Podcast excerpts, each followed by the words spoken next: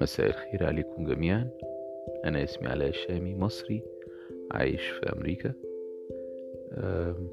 أنا عامل البودكاست دي يعني فرايتي من الحاجات. ممكن تلاقي هنا شعر بحفظ فيه الحاجات اللي بكتبها. ممكن تلاقي أغاني بصوتي قصيرة يعني. تجارب شخصية نصايح عامة. يعني أي حاجة ممكن أفضفض فيها معاكم هحطها هنا. وطبعا بتشرف بمروركم دايما وإن شاء الله ألقاكم على خير.